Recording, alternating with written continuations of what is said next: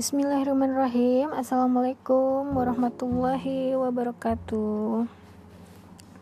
Alhamdulillah teman-teman kita uh, bisa ketemu bisa sharing-sharing lagi. Dan kebetulan ini uh, apa namanya rekaman saya rekaman podcast saya yang kedua ya. Maaf ini baru mulai coba-coba tapi mudah-mudahan hasilnya tidak mengecewakan teman-teman sekalian ya.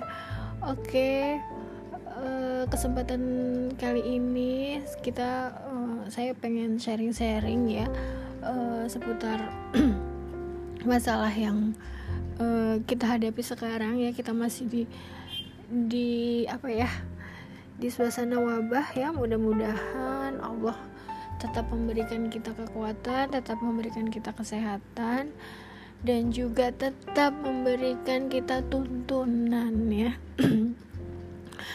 tuntunan dan hidayahnya, tuntunan ilmu, tuntunan iman ya dan juga tuntunan pertemanan ya. Dan itu semua sangat penting sekali ya bagi kita dengan suasana seperti ini dan terus terang aja uh, yang saya rasakan ya mungkin kita semua juga rasakan kita sekarang uh, pada keadaan yang serba salah ya. Tadi tadi di berita saya melihat bahwa apa me, melihat di berita TV One bahwa Indonesia sekarang sudah uh, mencapai angka tertinggi uh, peningkatan positif ya korban positif COVID itu sampai 993 uh, orang ya dan mungkin sebenarnya lebih ya karena banyak sekali pakar uh, yang menyaksikan data-data itu. Tapi paling tidak dari data yang dirilis resmi oleh pemerintah ini saja sudah mul, sudah sangat mengerikan ya karena kita sudah berada di titik hampir seribu ya seperti yang dialami oleh Italia dulu ya mungkin Rusia Amerika dan dan negara-negara lain e, seribu kasus ya per hari itu luar biasa sekali ya. Di tengah ketakutan ini malah pemerintah ingin memperlakukan new normal ya.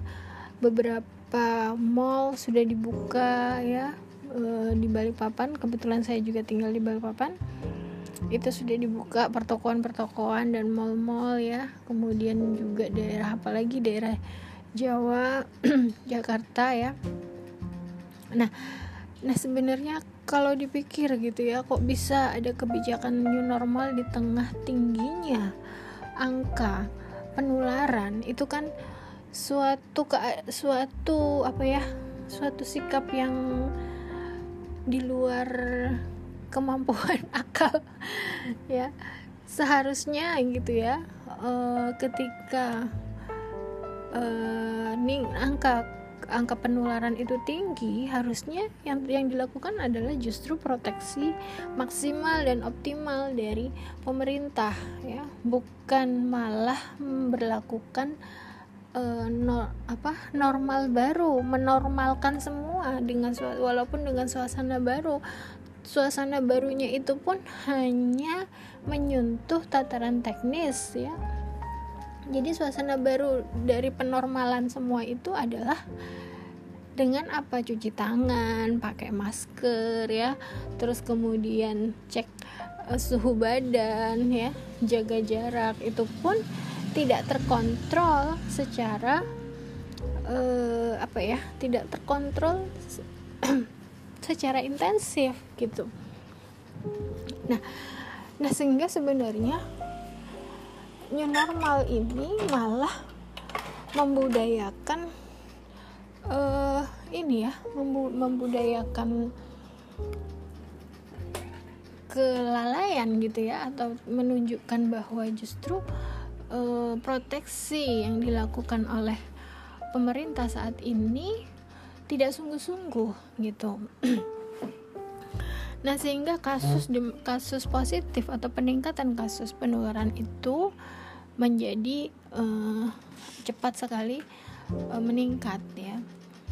Nah, maka kenapa ya uh, kita kok seperti ini gitu kan padahal uh, di dalam Islam ya sebagai seorang muslim harusnya kita sangat memperhatikan bagaimana tuntunan Rasulullah ya dalam menangani masalah-masalah masyarakat.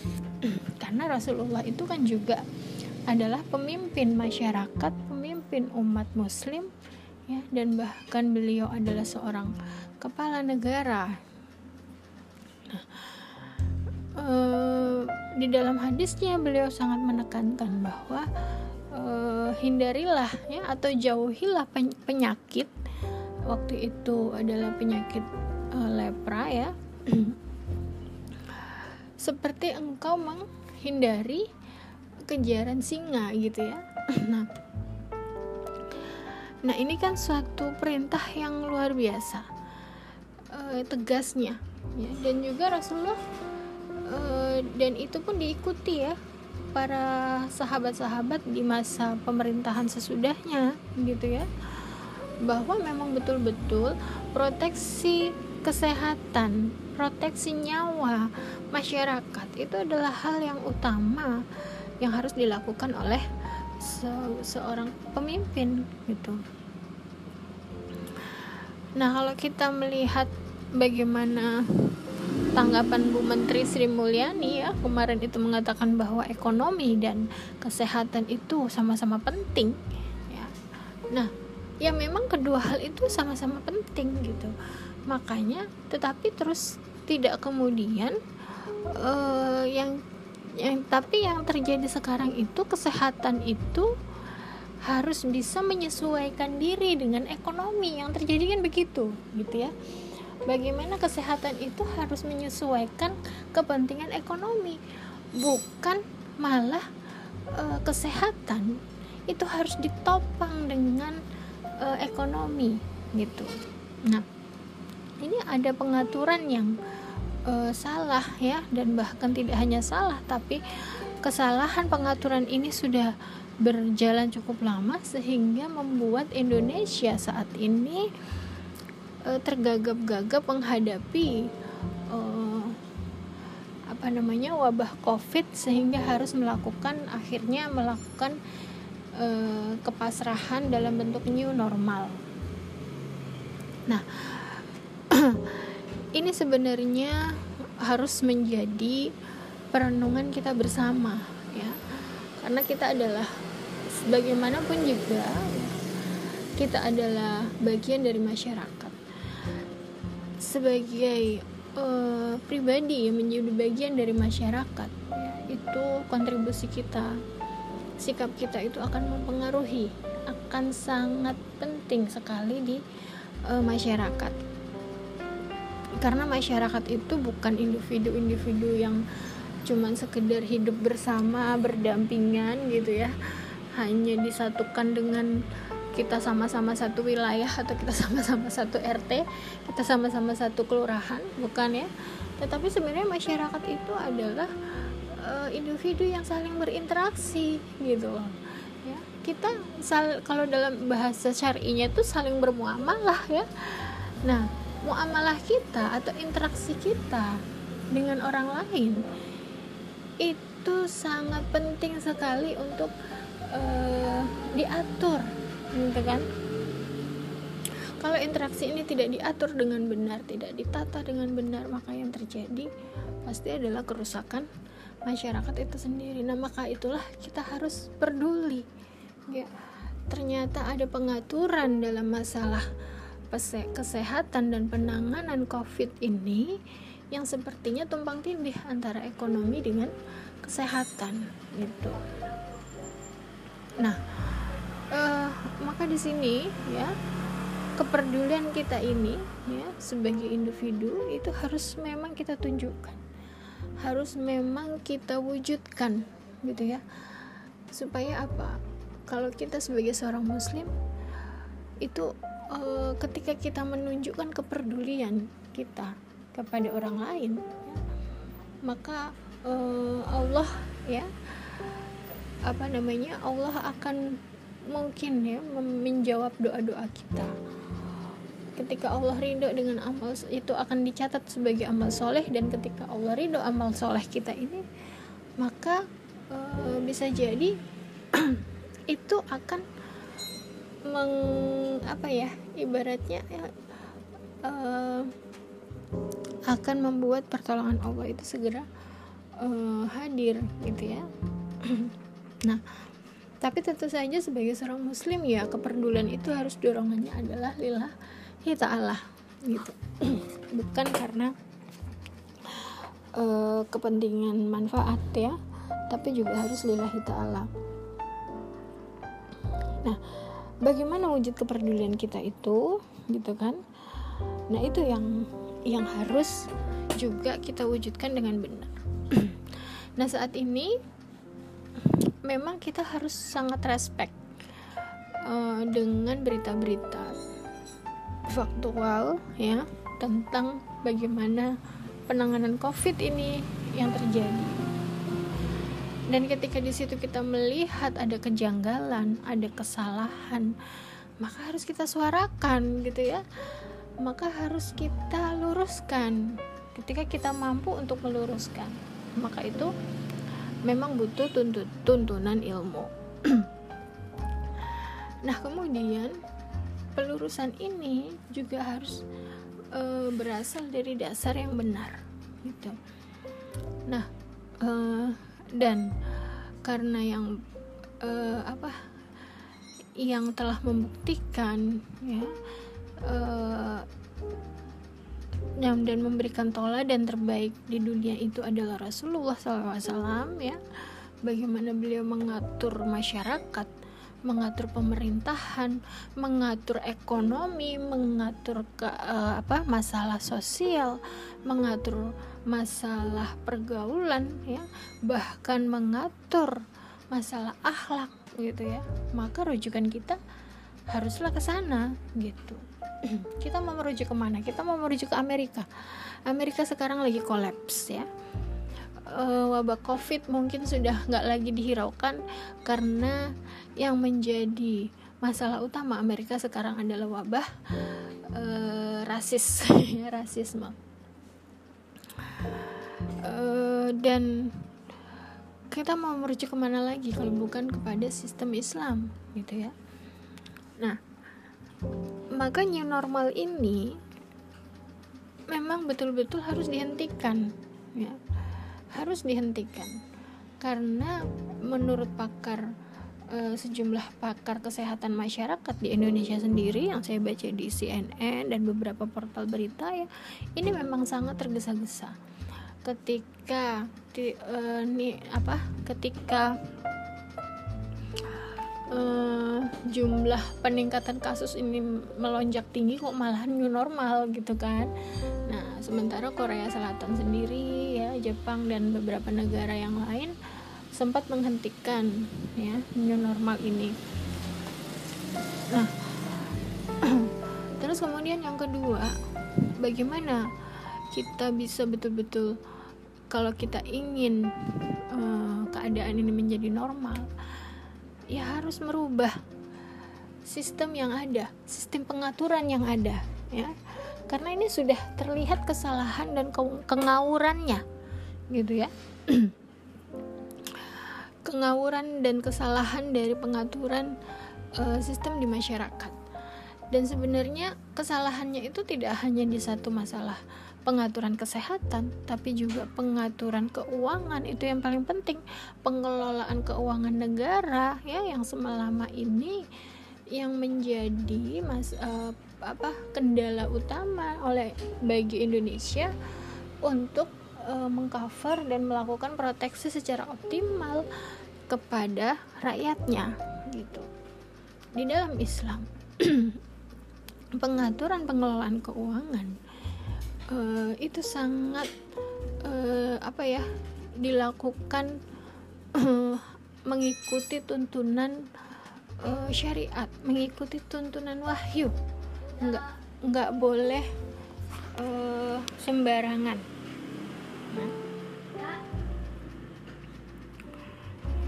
nah.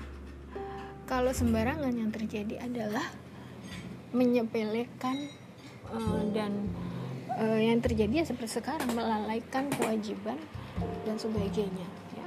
Karena saya ingat betul bagaimana khalifah uh, penakluk Konstantinopel yaitu Muhammad Al-Fatih telah pernah berucap dan pernah pernah memberikan ini ya uh, memberikan wasiat kepada anaknya sebelum beliau meninggal. Di detik-detik beliau meninggal beliau mengatakan bahwa e, berhati-hatilah engkau dengan uang negara ya. Dan jangan sampai e, apa ya mengelola uang negara itu atau mencampur adukan e, memakai uang negara untuk kepentingan yang tidak perlu ya untuk kepentingan yang sia-sia. Ya maka di situlah e, awal mula dari kehancuran atau permasalahan negara itu sendiri. Nah nah maka bagaimana sebenarnya tuntunan wahyu di dalam pengelolaan e, keuangan negara ya? Ada pemasukan ada pengeluaran itu semua itu semua harus diikuti ya Eh, mungkin saya nggak bisa jelaskan panjang lebar di sini karena itu sangat detail sekali gitu ya tetapi intinya adalah kita saat ini tidak mengelola keuangan negara uh, ini secara amanah tetapi justru mengutamakan kepentingan-kepentingan ekonomi, kepentingan-kepentingan kapitalis dan uh, korporasi gitu ya. Karena dana dana-dana yang ada gitu ya itu lebih banyak untuk memberikan suntikan-suntikan kepada korporasi dibandingkan disalurkan sebagai BLT, disalurkan sebagai uh, apa bantuan kepada masyarakat untuk menjamin kesejahteraan, untuk menjamin pangan uh, selama wabah COVID ini. Jadi penyaluran uh, penyaluran dana itu lebih banyak 80% nya ke pengusaha gitu ya ke korporasi ke perusahaan-perusahaan perbankan dan sebagainya. Tetapi e, 20% nya itu baru diberikan kepada rakyat dan itu pun dipilih-pilih ya. Nah seperti itu. Nah jadi di sinilah kemudian e, pengelolaan keuangan yang tidak tidak adil gitu ya. Karena tidak tertuntun oleh wahyu tidak tertuntun oleh syariat Islam. Tidak sesuai dengan syariat Islam. Nah kemudian yang yang ketiga adalah pembiayaan fasilitas kesehatan. Itu juga menjadi kendala. Nah yang seharusnya dilakukan oleh negara mengcover pembiayaan uh, kesehatan itu 100% di sini karena pengelolaan keuangan yang salah tadi maka pembiayaan itu tidak bisa dilakukan gitu. nah akhirnya masyarakat pun ya uh, apa harus rela melakukan apa pembiayaan sendiri kesehatannya tes eh, rapid test saja. Itu memakan biaya 350 hingga 400 ribu per orang. Dan itu tidak bisa diberikan gratis ya. Dan tidak juga bisa ditanggung oleh asuransi mana pun. Itu dibebani secara pribadi gitu sehingga dengan ini salah satu case aja salah satu contoh saja ya dengan rapid test yang mahal maka tidak bisa semua warga tahu gitu ya semua rakyat tahu apakah mereka positif ataukah mereka OTG gitu ya apakah mereka terinfeksi atau tidak gitu. Nah maka ini akan memperkeruh masalah. Sehingga kalau lonjakan e, kasus itu kemudian tiba-tiba tinggi itu sangat Eh, wajar sekali gitu ya karena fasilitas kesehatan sendiri itu tidak di cover secara penuh oleh negara. Seperti itu. Nah uh, mungkin itu saja dulu ya sobat uh, so, sobat semua sobat podcast semua. Saya ingin sedikit memberikan uh, membuka pikiran gitu ya bahwa ada yang salah dalam pengaturan uh, pengelolaan penanganan ya uh, wabah covid ini. Yang kita tidak bisa hanya diam saja tapi kita harus menyuarakan kepedulian kita. Gitu. Itu saja mungkin dari saya. E, nanti di episode berikutnya kita akan bahas lebih rinci lagi bagaimana syariat Islam itu mampu menjamin kesejahteraan dan kesehatan rakyatnya ya, dengan tuntunan yang benar dengan tuntunan yang sistem yang terintegritas secara utuh ya dan punya komitmen yang tinggi. Uh, kurang lebihnya saya mohon maaf. Assalamualaikum warahmatullahi wabarakatuh.